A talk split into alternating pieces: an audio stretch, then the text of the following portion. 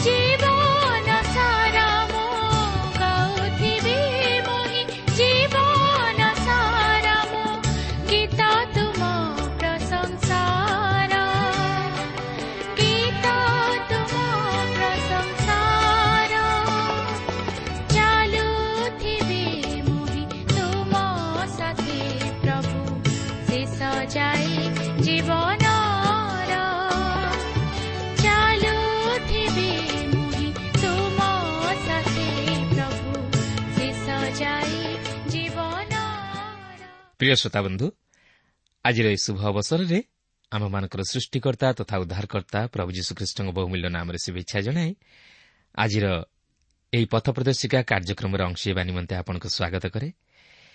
ଆପଣଙ୍କର ସହଯୋଗ ତଥା ମତାମତ ନିମନ୍ତେ ବିଶେଷ ଧନ୍ୟବାଦ। ଆପଣ ପ୍ରଭୁ ଯୀଶୁଙ୍କ ବିଷୟରେ ଅଧିକ ଜାଣିବା ନିମନ୍ତେ ଆଗ୍ରହୀ ଥିବାରୁ ଆମେ ମଧ୍ୟ ବିଶେଷ ଖୁସି ଆପଣଙ୍କ ନିମନ୍ତେ ପ୍ରାର୍ଥନା କରୁଅଛୁ। ଆଉ ଯଦି ଆପଣଙ୍କର ପ୍ରାର୍ଥନାର କୌଣସି ବିଷୟ ଥାଏ? କି ଅବା ଆପଣଙ୍କର ଜୀବନର ଯଦି କିଛି ସାକ୍ଷ୍ୟ ଥାଏ ତାହେଲେ ତାହା ଲେଖି ଜଣାଇଲେ ଆମେ ଆପଣଙ୍କ ନିମନ୍ତେ ପ୍ରାର୍ଥନା କରିପାରିବୁ। ଆପଣ ଏହି କାର୍ଯ୍ୟକ୍ରମ ନିୟମିତ ଶୁଣନ୍ତୁ ଓ ଅନ୍ୟମାନଙ୍କୁ ଶୁଣାଇବାରେ ସାହାଯ୍ୟ କରନ୍ତୁ ଏବଂ ସେମାନଙ୍କୁ ଆମ ସହ ପତ୍ର ମାଧ୍ୟମରେ ଯୋଗାଯୋଗ କରିବା ନିମନ୍ତେ ଉତ୍ସାହିତ କରନ୍ତୁ। ଆସନ୍ତୁ ପ୍ରଭୁଙ୍କର ବାକ୍ୟ ମଧ୍ୟକୁ ଯିବା ପୂର୍ବରୁ ସଂକ୍ଷେପରେ ପ୍ରାର୍ଥନା କରିବା। ପ୍ରିୟ ପବିତ୍ର ପ୍ରଭୁ ତୁମର ପବିତ୍ର ନାମର ଧନ୍ୟବାଦ କରୁଅଛି ସୁନ୍ଦର ସମୟ ପାଇଁ ତୁମର ଜୀବନ୍ତ ବାକ୍ୟ ପାଇଁ ପ୍ରଭୁ ଏହି ସୁଯୋଗରେ ଯେପରି ଆମମାନେ ତୁମର ସ୍ୱର ଶୁଣିବୁ ତୁମର ବାକ୍ୟ ବିଷୟରେ ଯେପରି ମନୋଯୋଗୀ ହେବ ଏହି ପ୍ରକାର ହୃଦୟ ତୁମେ ଆମ ପ୍ରତ୍ୟେକଙ୍କୁ ଦାନ କର। ପ୍ରଭୁ ଆମମାନଙ୍କୁ ଏକ ସରଳ ବିଶ୍ୱାସର ହୃଦୟ ଦିଅ। ଆମମାନଙ୍କ ଜୀବନ ମଧ୍ୟରୁ ସମସ୍ତ ପ୍ରକାର ଅବିଶ୍ୱାସ ସନ୍ଦେହ ତୁମେ ଦୂର କରିଦିଅ। ତୁମର ପବିତ୍ର ଉପସ୍ଥିତି ଆମମାନଙ୍କୁ ଉପଲବ୍ଧି କରିବା ପାଇଁ ଦିଅ। ତୁମର ବାକ୍ୟ ମଧ୍ୟ ଦେଇ ଆମମାନଙ୍କ ସହିତ କଥା କୁହ। ପ୍ରତ୍ୟେକ ଶ୍ରୋତାବନ୍ଧୁମାନଙ୍କୁ ତୁମେ ଆଶୀର୍ବାଦ କର। ପ୍ରତ୍ୟେକ ଜୀବନରେ ତୁମର ଇଚ୍ଛା ଓ ଅଭିମତ ପ୍ରଭୁ ତୁମେ ସଫଳ କର। ଏହି ସମସ୍ତ ପ୍ରାର୍ଥନା ଆମମାନଙ୍କୁ ଉଦ୍ଧାରକର୍ତ୍ତା ଜୀବିତ ପୁନରୁଦ୍ଧିତ ପ୍ରିୟ ପ୍ରଭୁ ଯୀଶୁଙ୍କ ନାମରେ ଅଳ୍ପ ଭିକ୍ଷା ମାଗୁଅଛୁ।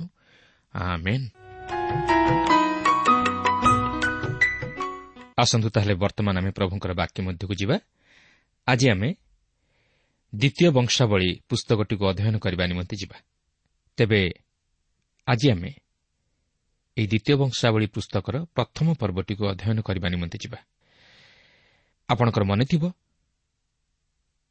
ଯେ ଗତ ପାଠରେ ଆମେ ଦାଉଦଙ୍କ ମନ୍ଦିର ନିର୍ମାଣ ନିମନ୍ତେ ପ୍ରସ୍ତୁତି ଓ ଆୟୋଜନକୁ ଲକ୍ଷ୍ୟ କରିଥିଲୁ ଓ ଦାଉଦ ତାହାଙ୍କର ଲୋକମାନଙ୍କୁ ତାଙ୍କର ଶେଷ ସମ୍ବାଦ ଦେବା ପରେ ମୃତ୍ୟୁବରଣ କଲେ। ମାତ୍ର ତାହାଙ୍କ ପରେ ତାହାଙ୍କ ପୁତ୍ର ସଲମନ ରାଜା ହେଲେ। ଆଜି ଆମେ ସଲମନ କିପରି ରାଜା ହେଲେ ଓ ଜ୍ଞାନ ନିମନ୍ତେ ପ୍ରାର୍ଥନା କଲେ ତାହା ଲକ୍ଷ୍ୟ କରିବା ପାଇଁ ଯିବା। ଆଉ ଏହା ଥିଲା ଈଶ୍ୱରଙ୍କର ଇଚ୍ଛା ଯେ ଦାଉଦଙ୍କ ପରେ ତାହାଙ୍କ ପୁତ୍ର ସଲମନ ରାଜା ହେବେ। ଈଶ୍ୱରଙ୍କ ଇଚ୍ଛା ଅନୁଯାୟୀ ସେ ମଧ୍ୟ ରାଜା ହେଲେ। ମାତ୍ର ଦାଉଦ ତାହା ପ୍ରକୃତରେ ଚାହୁଁନଥିଲେ। କାରଣ ସେ ଚାହୁଁଥିଲେ ତାହାଙ୍କ ପୁତ୍ର ଅବସାଲମକୁ ରାଜା କରିବା ପାଇଁ। କିନ୍ତୁ ସେ ଯାହା ହେଉନା କାହିଁକି ଶେଷରେ ଦାଉଦ ଈଶ୍ୱରଙ୍କ ଇଚ୍ଛାକୁ ମାନିନେଇ ତାହାଙ୍କ ପୁତ୍ର ସଲମନଙ୍କୁ ରାଜପଦରେ ପ୍ରତିଷ୍ଠିତ କରାଇଲେ। ଆଉ ସଲମନ ଯଦିଓ ଦୁର୍ବଳ ଥିଲେ ଓ ଅବସାଲମ ପରି ସେତେ ସୁଦକ୍ଷ ନଥିଲେ ମାତ୍ର ଈଶ୍ୱର ତାହାଙ୍କୁ ମନୋନୀତ କରିଥିବାରୁ ସେ ତାହାଙ୍କୁ ମଧ୍ୟ ବହୁଳ ଭାବରେ ଆଶୀର୍ବାଦ କଲେ। କାରଣ ଈଶ୍ୱର ଦୁର୍ବଳମାନଙ୍କୁ ସବଳ କରିଥାନ୍ତି ଓ ସେମାନଙ୍କ ମଧ୍ୟ ଦେଇ ତାହାଙ୍କର ଅସୀମ ଶକ୍ତିର କାର୍ଯ୍ୟକୁ ସାଧନ କରିଥାନ୍ତି। ତେଣୁକରି ଈଶ୍ୱର ବର୍ତ୍ତମାନ ସଲମନଙ୍କୁ ଶକ୍ତିଯୁକ୍ତ କରି ବ୍ୟବହାର କରିବା ପାଇଁ ଯାଉଅଛନ୍ତି ଓ ସେହି ମନ୍ଦିର ନିର୍ମାଣ କରିବା ନିମନ୍ତେ ତାହାଙ୍କୁ ଅନୁମତି ଦେଉଅଛନ୍ତି। ଏହି ଦ୍ୱିତୀୟ ବଂଶାବଳୀ ମଧ୍ୟରେ ଆମେ ଦୁଇଟି ମୁଖ୍ୟ ବିଭାଗ ଦେଖିବାକୁ ପାରିବା। ପ୍ରଥମଟି ହେଉଛି ମନ୍ଦିର ନିର୍ମାଣ ଓ ଦ୍ୱିତୀୟ ବିଷୟଟି ହେଉଛି ଉଦ୍ଦୀପନା ବା ଆତ୍ମିକ ଜାଗରଣ। ରାଜାବଳୀ ପୁସ୍ତକ ଯେଉଁ ସମୟର ଘଟଣାକୁ ପ୍ରକାଶ କରେ ଏହି ବଂଶାବଳୀ ପୁସ୍ତକ ମଧ୍ୟ ସେହି ସମୟର ଘଟଣାକୁ କ୍ରମାନ୍ୱয়ে ପ୍ରକାଶ କରେ। କିନ୍ତୁ କେତେକ ଗୁରୁତ୍ୱପୂର୍ଣ୍ଣ ଘଟଣା ଉପରେ ଈଶ୍ୱରଙ୍କ ଦୃଷ୍ଟିକୋଣରୁ ନେଇ ଗୁରୁତ୍ୱ ପ୍ରଦାନ କରେ। ଏହି ଦ୍ୱିତୀୟ ବଂଶାବଳୀର ପ୍ରଥମ ନଅଟି ପର୍ବରେ ଆମେ ସଲମନଙ୍କ ରାଜତ୍ୱ ବିଷୟ ନେଇ ଲକ୍ଷ୍ୟ କରିବାକୁ ପାରିବା। ତହିଁମଧ୍ୟରୁ ଛଅଟି ପର୍ବ ମନ୍ଦିର ନିର୍ମାଣ କରିବା ନେଇ ପ୍ରକାଶ କରେ। କାରଣ ଈଶ୍ୱର ତହିଁ ଉପରେ ବିଶେଷ ଗୁରୁତ୍ୱ ପ୍ରଦାନ କରନ୍ତି। ଏହି ମନ୍ଦିର ନିର୍ମାଣ ସଲମନ ରାଜାଙ୍କର ସବୁଠାରୁ ମହାନ ସଫଳତାର ବିଷୟ ଥିଲା। ସେ ଯଦିଓ ଅନେକ ସ୍ତ୍ରୀ ରଖିଥିଲେ ମାତ୍ର ଈଶ୍ୱର ତହିଁ ଉପରେ ବିଶେଷ ଗୁରୁତ୍ୱ ଦିଅନ୍ତି ନାହିଁ କାରଣ ତାହା ଈଶ୍ୱରଙ୍କର ଇଚ୍ଛା ଅନୁମୋଦିତ କାର୍ଯ୍ୟ ନଥିଲା। ତାହା ଈଶ୍ୱରଙ୍କ ଇଚ୍ଛାର ବିରୋଧ କରେ ଆଉ ତାହା ହିଁ ରାଜ୍ୟ ବିଭାଜନର କାରଣ ହେଲା। ଆପଣ ଭାବନ୍ତୁ ନାହିଁ ଯେ ଈଶ୍ୱର ତାହାଙ୍କୁ ଛାଡ଼ିଦେଲେ। ମାତ୍ର ସେ ତାହାଙ୍କୁ ତାହାଙ୍କର ପାପ ନିମନ୍ତେ ସମୁଚିତ ଫଳ ଦେଲେ। କିନ୍ତୁ ମନୁଷ୍ୟ ନିଜର ପାପରୁ ଉଦ୍ଧାର ପାଇବା ନିମନ୍ତେ ଜଣେ ଉଦ୍ଧାରକର୍ତ୍ତାଙ୍କର ଆବଶ୍ୟକତାକୁ ଅନୁଭବ କରେ ଆଉ ସେହି ଉଦ୍ଧାରକର୍ତ୍ତା ହେଉଛନ୍ତି ପ୍ରଭୁ ଯୀଶୁଖ୍ରୀଷ୍ଟ। ତେଣୁକରି ଏହି ପୁସ୍ତକର ପ୍ରଥମ ଗୁରୁତ୍ୱପୂର୍ଣ୍ଣ ପ୍ରସଙ୍ଗ ହେଉଛି ସଲମନଙ୍କର ମନ୍ଦିର ନିର୍ମାଣ ଆଉ ତାହା ଅତି ଗୁରୁତ୍ୱପୂର୍ଣ୍ଣ।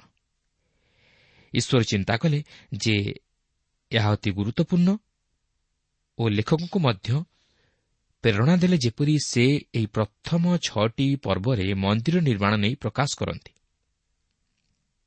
ଏହାପରେ ଦଶ ପର୍ବରୁ ଶେଷ ପର୍ବ ପର୍ଯ୍ୟନ୍ତ ରାଜ୍ୟ ବିଭକ୍ତ ହେବା ବିଷୟ ନେଇ ଆମେ ଲକ୍ଷ୍ୟ କରିବାକୁ ପାରିବା। ତେବେ ପ୍ରଥମ ବଂଶାବଳୀର ଶେଷରେ ଆମେ ଦେଖିଛୁ ଯେ ଦାଉଦ ମନ୍ଦିର ନିର୍ମାଣ ନିମନ୍ତେ ସମସ୍ତ ଉପାଦାନମାନ ଏକତ୍ର କଲେ ଓ ମନୁଷ୍ୟମାନଙ୍କୁ ମଧ୍ୟ ଆୟୋଜନ କଲେ। ଇସ୍ରାଏଲ୍ର ନେତାମାନଙ୍କୁ ଓ ଲୋକମାନଙ୍କୁ ଉତ୍ସାହ ତଥା ପ୍ରେରଣା ପ୍ରଦାନ କଲେ। ମନ୍ଦିରର ସେବା କାର୍ଯ୍ୟ ନିମନ୍ତେ ବ୍ୟବସ୍ଥା କଲେ।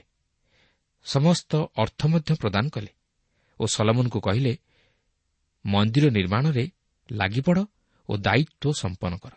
ତେଣୁ ବର୍ତ୍ତମାନ ଆମେ ଏହି ଦ୍ୱିତୀୟ ବଂଶାବଳୀ ପୁସ୍ତକରେ ଦେଖିବାକୁ ଯିବା ଯେ ସଲମନ ତାହାଙ୍କ ପିତାଙ୍କର ଆଦେଶ ଅନୁଯାୟୀ କାର୍ଯ୍ୟରେ ଲାଗିପଡ଼ିଲେ ତେବେ ଏହି ପ୍ରଥମ ପର୍ବର ମୁଖ୍ୟ ପ୍ରସଙ୍ଗ ହେଉଛି ସଲମନ ରାଜା ହେଲେ ଓ ଜ୍ଞାନ ନିମନ୍ତେ ପ୍ରାର୍ଥନା କଲେ।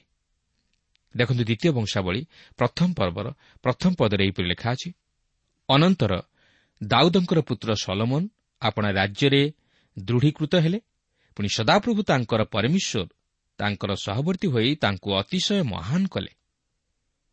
ଆପଣ ଜାଣି ରଖନ୍ତୁ ଯେ ସଲମନ ଦାଉଦଙ୍କର ମନୋନୀତ ନଥିଲେ। ମାତ୍ର ଈଶ୍ୱରଙ୍କର ମନୋନୀତ ଥିଲେ। ତେଣୁକରି ତାହାଙ୍କ ସମୟରେ ତାହାଙ୍କ ରାଜ୍ୟ ଶୀର୍ଷ ସୀମାରେ ଆସି ପହଞ୍ଚିଥିଲା। ଦାଉଦ ସେହି ରାଜ୍ୟର ମୂଳଦୁଆ ସ୍ଥାପନ କରିଥିଲେ ଓ ଈଶ୍ୱର ସଲମନଙ୍କର ସହବର୍ତ୍ତୀ ହୋଇ ତାହାଙ୍କୁ ଆଶୀର୍ବାଦ କଲେ ଓ ଅତିଶୟ ମହିମାନ୍ୱିତ କଲେ।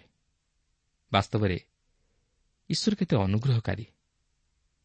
ସଲମନଙ୍କର ଦୁର୍ବଳତା ସତ୍ତ୍ୱେ ମଧ୍ୟ ସେ ତାହାଙ୍କୁ ଉଚ୍ଚୀକୃତ କଲେ।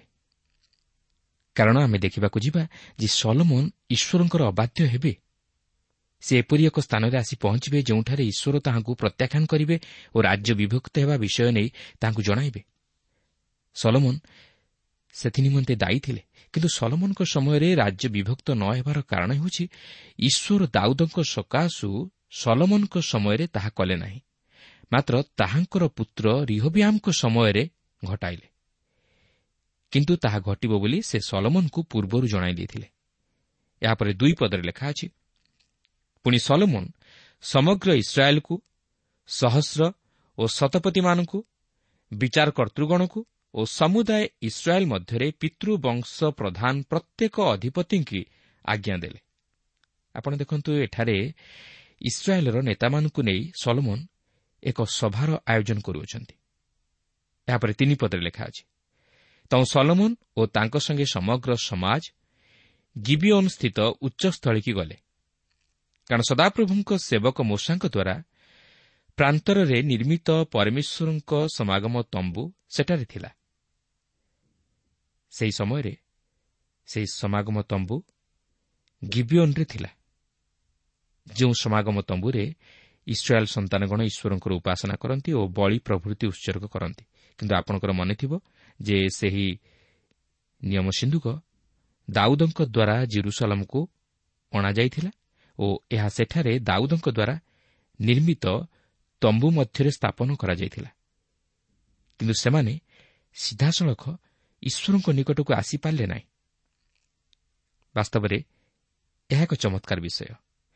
କାରଣ ଈଶ୍ୱରଙ୍କ ନିକଟକୁ ଯିବାକୁ ହେଲେ ସେହି ସମାଗମ ତମ୍ବୁ ମଧ୍ୟ ଦେଇ ଯିବାକୁ ଥିଲା।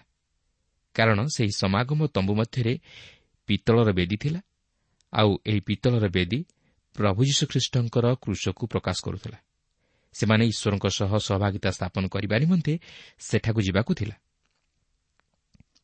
ଆପଣ ଓ ମୁଁ ଆମେ ସେହିପରି ଭାବରେ ଈଶ୍ୱରଙ୍କ ନିକଟବର୍ତ୍ତୀ ହେବାକୁ ହେବ।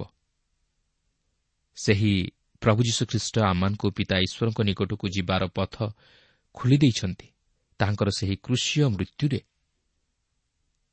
ଆଉ ଯେପର୍ଯ୍ୟନ୍ତ ଆମେ ପ୍ରଭୁ ଯୀଶୁଖ୍ରୀଷ୍ଟଙ୍କଠାରେ ବିଶ୍ୱାସ କରି ତାହାଙ୍କ ନିକଟରେ ନିଜର ପାପ ସବୁକୁ ସ୍ମରଣ କରିନାହୁଁ ସେ ପର୍ଯ୍ୟନ୍ତ ଆମେ ପିତା ଈଶ୍ୱରଙ୍କର ପରିଚୟ ପାଇପାରିବା ନାହିଁ କି ତାହାଙ୍କର ନିକଟବର୍ତ୍ତୀ ହୋଇପାରିବା ନାହିଁ। ସେଥିପାଇଁ ପ୍ରଭୁ ଯୀଶୁ ନିଜେ କହନ୍ତି ମୁଁ ପଥ ସତ୍ୟ ଓ ଜୀବନ। ମୋ ଦେଇ ନଗଲେ କେହି ପିତା ଈଶ୍ୱରଙ୍କର ନିକଟକୁ ଯାଇପାରେ ନାହିଁ। କାରଣ ଯେପର୍ଯ୍ୟନ୍ତ ଆମେ ଆମ ଜୀବନରେ ମନ୍ଦତାକୁ ସ୍ଥାନ ଦେଇଥିବା ବା ପାପକୁ ସ୍ଥାନ ଦେଇଥିବା ସେ ପର୍ଯ୍ୟନ୍ତ ଆମର ପ୍ରାର୍ଥନା ଈଶ୍ୱରଙ୍କ ନିକଟରେ ଗ୍ରହଣଯୋଗ୍ୟ ହୁଏ ନାହିଁ। ତେଣୁକରି ଆମେ ସେହି ଖ୍ରୀଷ୍ଟଙ୍କର କୃଷ ମଧ୍ୟ ଦେଇ ଈଶ୍ୱରଙ୍କର ନିକଟବର୍ତ୍ତୀ ହେବା ଉଚିତ। ଦେଖନ୍ତୁ ପ୍ରଥମ ପିତର ତିନି ପର୍ବର ବାରପଦରେ ଏହିପରି ଲେଖା ଅଛି କାରଣ ଧାର୍ମିକମାନଙ୍କ ପ୍ରତି ପ୍ରଭୁଙ୍କ ଦୃଷ୍ଟି ଅଛି। ସେମାନଙ୍କ ବିନତି ପ୍ରତି ତାହାଙ୍କ କର୍ଣ୍ଣ ଉନ୍ମୁକ୍ତ ଅଟେ। କିନ୍ତୁ ପ୍ରଭୁଙ୍କର ମୁଖ ଦୁଷ୍କର୍ମକାରୀମାନଙ୍କ ପ୍ରତିକୂଳ। ତେବେ ସଲମନ ତାହା ହିଁ କରନ୍ତି। ସେ ନେତାମାନଙ୍କୁ ନେଇ ସେହି ଗିବିଓନ୍କୁ ଯାଆନ୍ତି ଯେଉଁଠାରେ ସେହି ସମାଗମ ତମ୍ବୁ ଓ ପିତ୍ତଳର ବେଦି ଥିଲା। ଏହାପରେ ପ୍ରଥମ ପର୍ବର ଚାରିପଦରୁ ଛଅ ପଦ ମଧ୍ୟରେ ଏହିପରି ଲେଖା ଅଛି ମାତ୍ର ଦାଉଦ କିରିୟତ୍ ଜିଆରିମ୍ଠାରୁ ପରମେଶ୍ୱରଙ୍କ ସିନ୍ଧୁକ ନିମନ୍ତେ ଆପଣାର ପ୍ରସ୍ତୁତ ସ୍ଥାନକୁ ତାହା ଆଣିଥିଲେ କାରଣ ସେ ତହିଁ ନିମନ୍ତେ ଜିରୁସାଲାମରେ ଏକ ତମ୍ବୁ ସ୍ଥାପନ କରିଥିଲେ। ଆଉ ହୁରର ପୌତ୍ର ଉରିର ପୁତ୍ର ବତ୍ସଲେଲ ସେହି ପିତଳମୟ ଯଜ୍ଞବିଧି ନିର୍ମାଣ କରିଥିଲା। ତାହା ସେଠାସ୍ଥିତ ସଦାପ୍ରଭୁଙ୍କ ଆବାସ ସମ୍ମୁଖରେ ଥିଲା। ପୁଣି ସଲୋମନ ଓ ସମାଜ ତହି ନିକଟରେ ଅନ୍ୱେଷଣ କଲେ। ପୁଣି ସଲୋମନ ସେଠାକୁ ସମାଗମ ତମ୍ବୁ ନିକଟସ୍ଥ ସଦାପ୍ରଭୁଙ୍କ ସମ୍ମୁଖବର୍ତ୍ତୀ ପିତଳମୟ ଯଜ୍ଞବେଦୀକି ଯାଇ ତହିଁ ଉପରେ ଏକ ସହସ୍ର ହୋମବଳି ଉତ୍ସର୍ଗ କଲେ। ତେବେ ଈଶ୍ୱରଙ୍କ ନିକଟବର୍ତ୍ତୀ ହେବାର ପଥ ଥିଲା ସେହି ପିତ୍ତଳର ବେଦୀ। କିନ୍ତୁ ସେମାନେ ନିୟମ ସିନ୍ଧୁକ ମଧ୍ୟ ଦେଇ ଯାଇ ଈଶ୍ୱରଙ୍କର ନିକଟବର୍ତ୍ତୀ ହୋଇପାରିଲେ ନାହିଁ। ଅନ୍ୟ ଅର୍ଥରେ କହିବାକୁ ଗଲେ ଆପଣ ଓ ମୁଁ ସିଧାସଳଖ ଈଶ୍ୱରଙ୍କର ନିକଟବର୍ତ୍ତୀ ହୋଇପାରିବା ନାହିଁ। ମାତ୍ର ସେହି କୃଷର ମଧ୍ୟ ଦେଇ ନିକଟବର୍ତ୍ତୀ ହୋଇପାରିବା। କାରଣ ଖ୍ରୀଷ୍ଟଙ୍କ କୃଷ ବିନା ଆଉ ଅନ୍ୟ କୌଣସି ରାସ୍ତା ନାହିଁ। ତେବେ ସେମାନେ ବଳିଦାନ ପ୍ରଭୃତି ଉତ୍ସର୍ଗ କରିବାରେ କୃପଣ ନଥିଲେ। କାରଣ ସଲମନଙ୍କ ରାଜତ୍ୱ ସମୟରେ ଅଧିକ ମାତ୍ରାରେ ବଳିଦାନ ପ୍ରଭୃତି ଉତ୍ସର୍ଗ କରାଯାଉଥିଲା ଓ ରାଜା ସଲମନ ମଧ୍ୟ ନିଜେ ଉତ୍ସର୍ଗ କରୁଥିଲେ। ଏହାପରେ ପ୍ରଥମ ପର୍ବର ସାତ ପଦରୁ ନଅ ପଦ ମଧ୍ୟରେ ଲେଖା ଅଛି ସେହି ରାତ୍ରି ପରମେଶ୍ୱର ସଲମନଙ୍କୁ ଦର୍ଶନ ଦେଇ କହିଲେ ଆମ୍ଭେ ତୁମକୁ କ'ଣ ଦେବା ତାହା ମାଗ ତହିଁରେ ସଲମନ ପରମେଶ୍ୱରଙ୍କୁ କହିଲେ ତୁମ୍ଭେ ମୋ ପିତା ଦାଉଦଙ୍କ ପ୍ରତି ମହାଦୟା ପ୍ରକାଶ କରିଅଛ ଓ ତାଙ୍କର ପଦରେ ମୋତେ ରାଜା କରିଅଛ। ଏବେ ହେ ସଦାପ୍ରଭୁ ପରମେଶ୍ୱର ମୋ ପିତା ଦାଉଦଙ୍କ ପ୍ରତି ତୁମ୍ଭର ପ୍ରତିଜ୍ଞା ସ୍ଥିରୀକୃତ ହେଉ କାରଣ ତୁମ୍ଭେ ପୃଥିବୀର ଧୂଳି ତୁଲ୍ୟ ବହୁ ସଂଖ୍ୟକ ଏକ ଗୋଷ୍ଠୀ ଉପରେ ମୋତେ ରାଜା କରିଅଛ। ସଲୋମନ ଦାଉଦଙ୍କ ପ୍ରତି କରାଯାଇଥିବା ପ୍ରତିଜ୍ଞାକୁ ସ୍ମରଣ କରନ୍ତି। ଆଉ ସେହି ପ୍ରତିଜ୍ଞା କେବଳ ଦାଉଦଙ୍କୁ ନୁହେଁ ମାତ୍ର ଅବ୍ରାହମ୍ଙ୍କ ପ୍ରତି ମଧ୍ୟ ଈଶ୍ୱର କରିଥିଲେ। ଆଉ ତାହା ହେଉଛି ତୁମ୍ଭର ବଂଶ ପୃଥିବୀର ଧୂଳି ପରି ବହୁ ସଂଖ୍ୟକ ହେବେ ଓ ତାହା ବାହୁଲ୍ୟ ହେତୁରୁ ଗଣାଯାଇ ନପାରେ ଏହାପରେ ଦଶପଦରେ ଲେଖା ଅଛି ମୁଁ ଯେପରି ଏହି ଲୋକମାନଙ୍କ ସମ୍ମୁଖରେ ବାହାରେ ଯିବାକୁ ଓ ଭିତରେ ଆସିବାକୁ ପାରିବି ଏଥିପାଇଁ ମୋତେ ଜ୍ଞାନ ଓ ବୁଦ୍ଧି ଦିଅ। କାରଣ ଏପରି ବୃହତ୍ ତୁମ୍ଭର ଏହି ଗୋଷ୍ଠୀ କିଏ ବିଚାର କରିପାରିବ? ତେବେ ଅନେକ କହନ୍ତି ଯେ ସଲମନ୍ ଅତି ଚତୁରତାର ସହିତ ଜ୍ଞାନ ମାଗିଲେ ଈଶ୍ୱର ମଧ୍ୟ ତହିଁରେ ସନ୍ତୁଷ୍ଟ ହୋଇ ତାହାଙ୍କୁ ଜ୍ଞାନ ପ୍ରଦାନ କଲେ।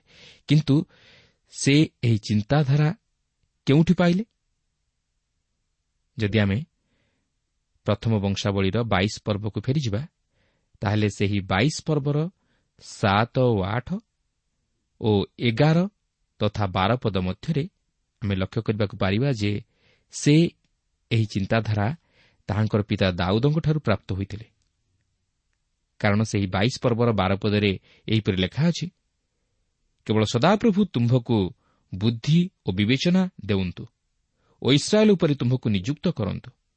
ତାହେଲେ ତୁମେ ସଦାପ୍ରଭୁ ତୁମ୍ଭ ପରମେଶ୍ୱରଙ୍କ ବ୍ୟବସ୍ଥା ପାଳନ କରିପାରିବ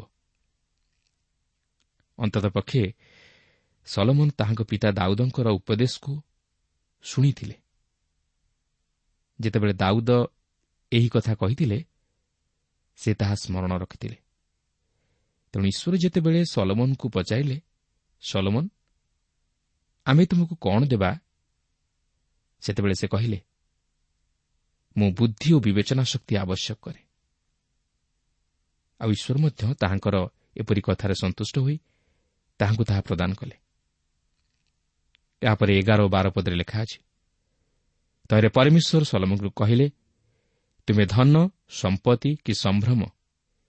କିଏ ବା ତୁମ୍ଭ ଘୃଣାକାରୀମାନଙ୍କ ପ୍ରାଣ ଅଥବା ଦୀର୍ଘାୟୁ ହିଁ ମାଗିନାହଁ ମାତ୍ର ଆମ୍ଭେ ଆପଣାର ଯେଉଁ ଲୋକମାନଙ୍କ ଉପରେ ତୁମ୍ଭକୁ ରାଜା କରିଅଛୁ ସେମାନଙ୍କ ବିଚାର କରିବା ନିମନ୍ତେ ଆପଣା ପାଇଁ ଜ୍ଞାନ ଓ ବୁଦ୍ଧି ମାଗିଅଛ।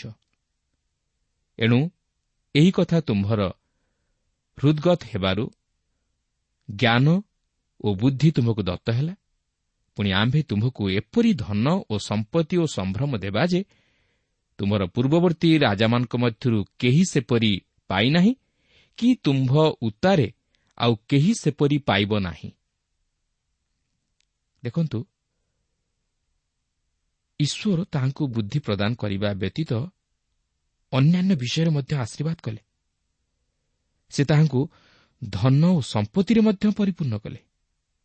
ଏଠାରେ ଆପଣ ଲକ୍ଷ୍ୟ କରନ୍ତୁ ସଲମୋନ ଯଦିଓ ତାହାଙ୍କ ଲୋକମାନଙ୍କର ବିଚାର କରିବା ନିମନ୍ତେ ଜ୍ଞାନ ମାଗିଲେ ମାତ୍ର ସେ ତାହାଙ୍କର ନିଜ ଜୀବନ ନିମନ୍ତେ ଆତ୍ମିକ ବିଚାର ବୁଦ୍ଧି ମାଗିନଥିଲେ ତେଣୁକରି ଆମେ ଦେଖିବାକୁ ପାରିବା ଯେ ସଲମନଙ୍କ ନିଜ ଜୀବନରେ ସେହି ଆତ୍ମିକ ବିଚାର ବୁଦ୍ଧିର ଅଭାବ ଘଟିଥିଲା।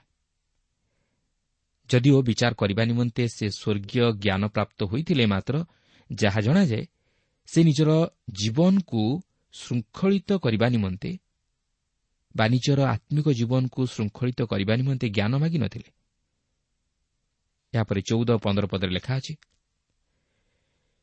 ତୁ ସଲମୋନ୍ ଗିବିଓନ ସ୍ଥିତ ଉଚ୍ଚସ୍ଥଳୀର ଯାତ୍ରାରୁ ଓ ସମାଗମ ତମ୍ବୁ ସମ୍ମୁଖରୁ ଜିରୁସାଲମ୍କୁ ଆସିଲେ ଆଉ ସେ ଇସ୍ରାଏଲ୍ ଉପରେ ରାଜ୍ୟ କଲେ। ଏଉତାରେ ସଲମନ୍ ରଥ ଓ ଅଶ୍ୱାରୋହୀମାନଙ୍କୁ ସଂଗ୍ରହ କଲେ। ତାଙ୍କର ଏକ ହଜାର ଚାରିଶହ ରଥ ଓ ବାର ହଜାର ଅଶ୍ୱାରୋହୀ ଥିଲେ ସେମାନଙ୍କୁ ସେ ରଥନଗର ମାନରେ ଓ ରାଜାଙ୍କ ନିକଟରେ ଜିରୁସାଲାମରେ ରଖିଲେ। ପୁଣି ରାଜା ଜିରୁସାଲାମରେ ରୂପା ଓ ସୁନାକୁ ପଥର ପରି ଓ ବାହୁଲ୍ୟ ହେତୁରୁ ଏରସ କାଷ୍ଠକୁ ତଳଭୂମିସ୍ଥ ଡିମ୍ବୁରି ବୃକ୍ଷ ପରି କଲେ। ସଲମନଙ୍କ ସମୟରେ ତାଙ୍କ ରାଜ୍ୟରେ ଏରସ ବୃକ୍ଷମାନ ବହୁ ସଂଖ୍ୟାରେ ବୃଦ୍ଧି ପାଇଥିଲା। କିନ୍ତୁ ବର୍ତ୍ତମାନ ଆପଣ ଯଦି ସେହି ଅଞ୍ଚଳକୁ ଲକ୍ଷ୍ୟ କରିବେ ତାହେଲେ ସେଠାରେ ଡିମ୍ବିରି ବୃକ୍ଷ ଅଧିକ ମାତ୍ରାରେ ପରିଲକ୍ଷିତ ହୁଏ ଓ ଅଧିକ ମାତ୍ରାରେ ପଥର ଦେଖାଯାଏ। କିନ୍ତୁ ସଲମନଙ୍କ ସମୟରେ ରୂପା ଓ ସୁନା ସେହି ଅଞ୍ଚଳର ସାଧାରଣ ପଥର ପରି ବହୁଳ ମାତ୍ରାରେ ପରିପୂର୍ଣ୍ଣ ଥିଲା। ଏଥିରୁ ଆପଣ ଅନୁମାନ କରିପାରୁଥିବେ ଯେ ସଲମନ କେତେ ଦୂର ଧନୀ ନଥିଲେ। ଏହାପରେ ଷୋହଳ ଓ ସତର ପଦରେ ଲେଖା ଅଛି ଆଉ ସଲମନଙ୍କର ଅଶ୍ୱ ସବୁ ମିଶ୍ରରୁ ଅଣାଗଲା। ରାଜାଙ୍କର ବଣିକମାନେ ପ୍ରତ୍ୟେକ ପଲର ମୂଲ୍ୟ ଦେଇ ପଲ ପଲ କରି ପାଇଲେ। ଆଉ ମିଶ୍ରରୁ କ୍ରୀତ ଓ ଆନିତ ଏକ ଏକ ରଥର ମୂଲ୍ୟ ଛଅଶହ ରୌପ୍ୟ ମୁଦ୍ରା ଓ ଏକ ଏକ ଅଶ୍ୱର ମୂଲ୍ୟ ଏକଶହ ପଞ୍ଚାଶ ମୁଦ୍ରା ଥିଲା। ଏହି ରୂପେ ସେମାନଙ୍କ ଦ୍ୱାରା ହିତୀୟ ଓ ଅରାମ୍ୟ ସମସ୍ତ ରାଜାଙ୍କ ନିମନ୍ତେ ହିଁ ସେସବୁ ଅଣାଯିବାର ରୀତି ଥିଲା। ଆପଣ ଦେଖନ୍ତୁ ରାଜା ସଲମନ ଏପରି ଏକ ସ୍ଥାନରେ ଆସି ପହଞ୍ଚି ଯାଇଛନ୍ତି ଯାହାକି ତାହାଙ୍କ ନିମନ୍ତେ ସେପରି କରିବା ପାଇଁ ନିଷେଧ କରାଯାଇଥିଲା। ଈଶ୍ୱର ମଧ୍ୟ ତାହା ଘଟିବ ବୋଲି ପୂର୍ବରୁ ଜାଣି ସେ ଇସ୍ରାଏଲ୍ର ରାଜାମାନଙ୍କ ନିମନ୍ତେ କେତେକ ନିୟମ ପ୍ରଣୟନ କରିଥିଲେ। ତେବେ ଯଦି ଆମେ ଟିକେ ପଛକୁ ଫେରିଯିବା ତାହେଲେ ସେହି ଦ୍ୱିତୀୟ ବିବରଣୀ ପୁସ୍ତକ ସତର ପର୍ବର ଷୋହଳ ଓ ସତର ପଦ ମଧ୍ୟରେ ଦେଖିବେ ଏହିପରି ଲେଖା ଅଛି ମାତ୍ର ସେ ରାଜା ଆପଣା ପାଇଁ ଅନେକ ଅଶ୍ୱ ରଖିବ ନାହିଁ। କିମ୍ବା ଅନେକ ଅଶ୍ୱ ରଖିବା ଅଭିପ୍ରାୟରେ ଲୋକମାନଙ୍କୁ ପୁନର୍ବାର ମିଶରକୁ ଗମନ କରାଇବ ନାହିଁ କାରଣ ସଦାପ୍ରଭୁ ତୁମମାନଙ୍କୁ କହିଅଛନ୍ତି ତୁମ୍ଭେମାନେ ଏ ସମୟଠାରୁ ସେ ପଥରେ ଆଉ ଫେରିଯିବ ନାହିଁ। କିଓବା ସେ ଅନେକ ସ୍ତ୍ରୀ ବିବାହ କରିବ ନାହିଁ କଲେ ତାହାର ହୃଦୟ ବିପଦଗାମୀ ହେବ। ଅଥବା ସେ ଆପଣା ପାଇଁ ରୂପା କି ସୁନା ଅତିଶୟ ବଢ଼ାଇବ ନାହିଁ। କିନ୍ତୁ ଆପଣ ଦେଖନ୍ତୁ ରାଜା ସଲମନଙ୍କ ଜୀବନରେ ତହିଁର ବିପରୀତ କାର୍ଯ୍ୟ ଦେଖାଦେଇଥିଲା ସବୁ ବିଷୟରେ ସେ ଅତ୍ୟଧିକ ଥିଲେ। ସଲମନ ଅନେକ ଅଶ୍ୱ ରଖୁଅଛନ୍ତି ଓ ସେ ବ୍ୟକ୍ତିଗତ ଭାବରେ ଧନୀ ହେଉଛନ୍ତି। ତାଛଡ଼ା ଆମେ ମଧ୍ୟ ଦେଖିବାକୁ ଯିବା ଯେ ସେ ଅନେକ ସ୍ତ୍ରୀ ମଧ୍ୟ ରଖିଥିଲେ। ପ୍ରିୟ ବନ୍ଧୁ ଈଶ୍ୱର ତାହାଙ୍କୁ ସ୍ତ୍ରୀ ରଖିବାକୁ ବା ଅଶ୍ୱ ରଖିବାକୁ ବା ସୁନା ରୂପା ରଖିବାକୁ ମନା କରିନଥିଲେ। ମାତ୍ର ଅନେକ ରଖିବା ନିମନ୍ତେ ମନା କରିଥିଲେ। ଅଶ୍ୱ କ'ଣ ପାଇଁ ରାଜାମାନେ ରଖନ୍ତି? ଯୁଦ୍ଧ କରିବା ପାଇଁ। କିନ୍ତୁ ଈଶ୍ୱର ଇସ୍ରାଏଲ୍ର ରାଜାଙ୍କୁ ମନା କରିବାର କାରଣ କ'ଣ? ଏହାର କାରଣ ହେଉଛି ସେମାନେ ଅନେକ ଅଶ୍ୱ ରଖିଲେ ସେମାନଙ୍କର ନିର୍ଭରତା ଅଶ୍ୱମାନଙ୍କ ଉପରେ ହିଁ ରହିବ। ମାତ୍ର ଈଶ୍ୱରଙ୍କ ଉପରେ ରହିବ ନାହିଁ। ଈଶ୍ୱରଙ୍କର ଶକ୍ତିର କାର୍ଯ୍ୟକୁ ସେମାନେ ଉପଲବ୍ଧି କରିପାରିବେ ନାହିଁ। କିନ୍ତୁ ପବିତ୍ର ବାଇବଲ କହେ ଯୁଦ୍ଧାର୍ଥେ ଅଶ୍ୱ ମିଥ୍ୟା ଅର୍ଥାତ୍ ଅଶ୍ୱ ବିଜୟ ଦେଇପାରେ ନା ମାତ୍ର ଈଶ୍ୱର ବିଜୟ ପ୍ରଦାନ କରିଥାନ୍ତି ଈଶ୍ୱର ଚାହିଁଥିଲେ ଇସ୍ରାଏଲ୍ର ରାଜାମାନେ ଯେପରି ତାହାଙ୍କ ଉପରେ ସମ୍ପୂର୍ଣ୍ଣ ନିର୍ଭର କରନ୍ତି ଓ ତାହାଙ୍କଠାରୁ ଶକ୍ତି ଭିକ୍ଷା କରି ବିଜୟୀ ହୁଅନ୍ତି କାରଣ ଈଶ୍ୱର ଚାହିଁନଥିଲେ ସେମାନେ ଯେପରି ଅନେକ ଅଶ୍ୱ ରଖିବା ଅଭିପ୍ରାୟରେ ପୁନର୍ବାର ମିଶ୍ୱରକୁ ଗମନ କରନ୍ତି। କାରଣ ସେ ସେମାନଙ୍କୁ ପୁନର୍ବାର ସେହି ଦାସତ୍ୱ ବନ୍ଧନକୁ ଫେରାଇ ନେବା ନିମନ୍ତେ ଚାହିଁନଥିଲେ। ମାତ୍ର ସେମାନଙ୍କୁ ସେହି ପ୍ରତିଜ୍ଞାତ କିଣାନ୍ ଦେଶର ଅଧିକାରୀ କରାଇବାକୁ ଚାହିଁଥିଲେ ଯେଉଁଠାରେ କି ସେମାନେ ସୁଖ ଓ ଶାନ୍ତିରେ ଜୀବନ ଅତିବାହିତ କରିପାରିବେ। ପ୍ରଚୁରତା ମଧ୍ୟରେ ସେମାନେ କାଳାତିପାତ କରିପାରିବେ। ସେମାନଙ୍କର ଯେପରି କୌଣସି ବିଷୟର ଅଭାବ ନ ହୁଏ ସେମାନଙ୍କର ଯେପରି ଦୁଃଖ ନ ହୁଏ ସେମାନଙ୍କର ଯେପରି ସମସ୍ୟା ନ ହୁଏ କିନ୍ତୁ ସେମାନେ କଲେ କ'ଣ? ସେମାନେ ଈଶ୍ୱରଙ୍କ ଉପରେ ନିର୍ଭର କରିପାରିଲେ ନାହିଁ। ତେଣୁକରି ସେମାନେ ସେମାନଙ୍କ ଜୀବନରେ ଦୁଃଖ ସମସ୍ୟା ଓ ବିଭିନ୍ନ ପ୍ରକାର ନିର୍ଯାତନାର ସମ୍ମୁଖୀନ ହେଲେ। ପ୍ରିୟ ବନ୍ଧୁ ଈଶ୍ୱର ଯଦି ଆପଣଙ୍କୁ ସେହି ପାପର ଦାସତ୍ୱ ବନ୍ଧନରୁ ମୁକୁଳାଇ ଆଣି ସ୍ୱାଧୀନତା ଦେଇଛନ୍ତି ତାହେଲେ ପୁନର୍ବାର ନିଜର ପାପମୟ ଜୀବନକୁ ଫେରିଯିବାକୁ ଇଚ୍ଛା କରନ୍ତୁ ନାହିଁ। ମାତ୍ର ଈଶ୍ୱରଙ୍କ ଉପରେ ନିର୍ଭର କରି ଓ ସେହି ଖ୍ରୀଷ୍ଟଙ୍କଠାରେ ବିଶ୍ୱାସରେ ସ୍ଥିର ରହି ଅଗ୍ରସର ହେଉନ୍ତୁ। ତାହେଲେ ଆପଣ ଏହି ଜଗତରେ ଏକ ବିଜୟୀ ଜୀବନ ଯାପନ କରିବା ନିମନ୍ତେ ସମର୍ଥ ହୋଇପାରିବେ ଓ ଈଶ୍ୱରଙ୍କ ଆଶୀର୍ବାଦ ତଥା ଅନୁଗ୍ରହର ଅଧିକାରୀ ହୋଇପାରିବେ। ପ୍ରିୟ ବନ୍ଧୁ ମୁଁ ଜାଣେ ନା ଆପଣଙ୍କର ଆତ୍ମିକ ଜୀବନର ସ୍ଥିତି କେଉଁ ପ୍ରକାର ଅବସ୍ଥାରେ ଅଛି? ଆପଣ ପାପରୁ ଉଦ୍ଧାର ପାଇଛନ୍ତି କି ନାହିଁ ତାହା ମୁଁ ଜାଣେ ନା। ମାତ୍ର ମୋର ଏତିକି ଅନୁରୋଧ। ଯଦି ଆଜି ଆପଣ ପାପରୁ ଉଦ୍ଧାରପ୍ରାପ୍ତ ହୋଇଅଛନ୍ତି ତାହେଲେ ପୁନର୍ବାର ଆପଣ ପଛକୁ ଫେରି ଅନାନ୍ତୁ ନାହିଁ। ଆପଣ ସେହି ପାପ ପଥରୁ ଫେରିଆସି ପ୍ରଭୁଙ୍କ ନିମନ୍ତେ ଜୀବନଯାପନ କରନ୍ତୁ। ପ୍ରଭୁଙ୍କ ନିମନ୍ତେ ସାକ୍ଷୀ ହୁଅନ୍ତୁ। ପ୍ରଭୁଙ୍କ ନିମନ୍ତେ ସେହି ଧାର୍ମିକତାର ପଥରେ ଅଗ୍ରସର ହୁଅନ୍ତୁ। ତାହେଲେ ଆପଣ ନିଶ୍ଚିତ ଭାବରେ ସେହି ଅନନ୍ତ ସୁଖ ଶାନ୍ତି ଆଉ ପ୍ରାଚୁର୍ଯ୍ୟତା ମଧ୍ୟ ଅନୁଭବ କରିପାରିବେ। ପ୍ରଭୁ ଆମ ପ୍ରତ୍ୟେକଙ୍କୁ ଏହି ସଂକ୍ଷିପ୍ତ ଆଲୋଚନା ମଧ୍ୟ ଦେଇ ଆଶୀର୍ବାଦ କରନ୍ତୁ।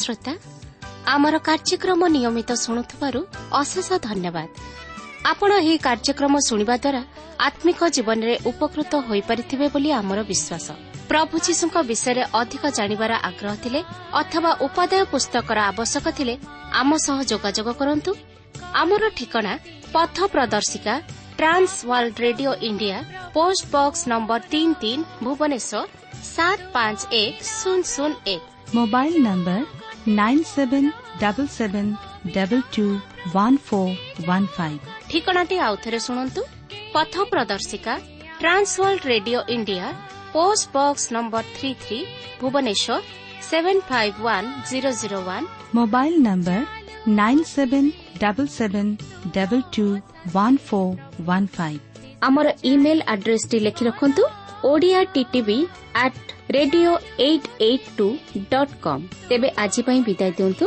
ନମସ୍କାର।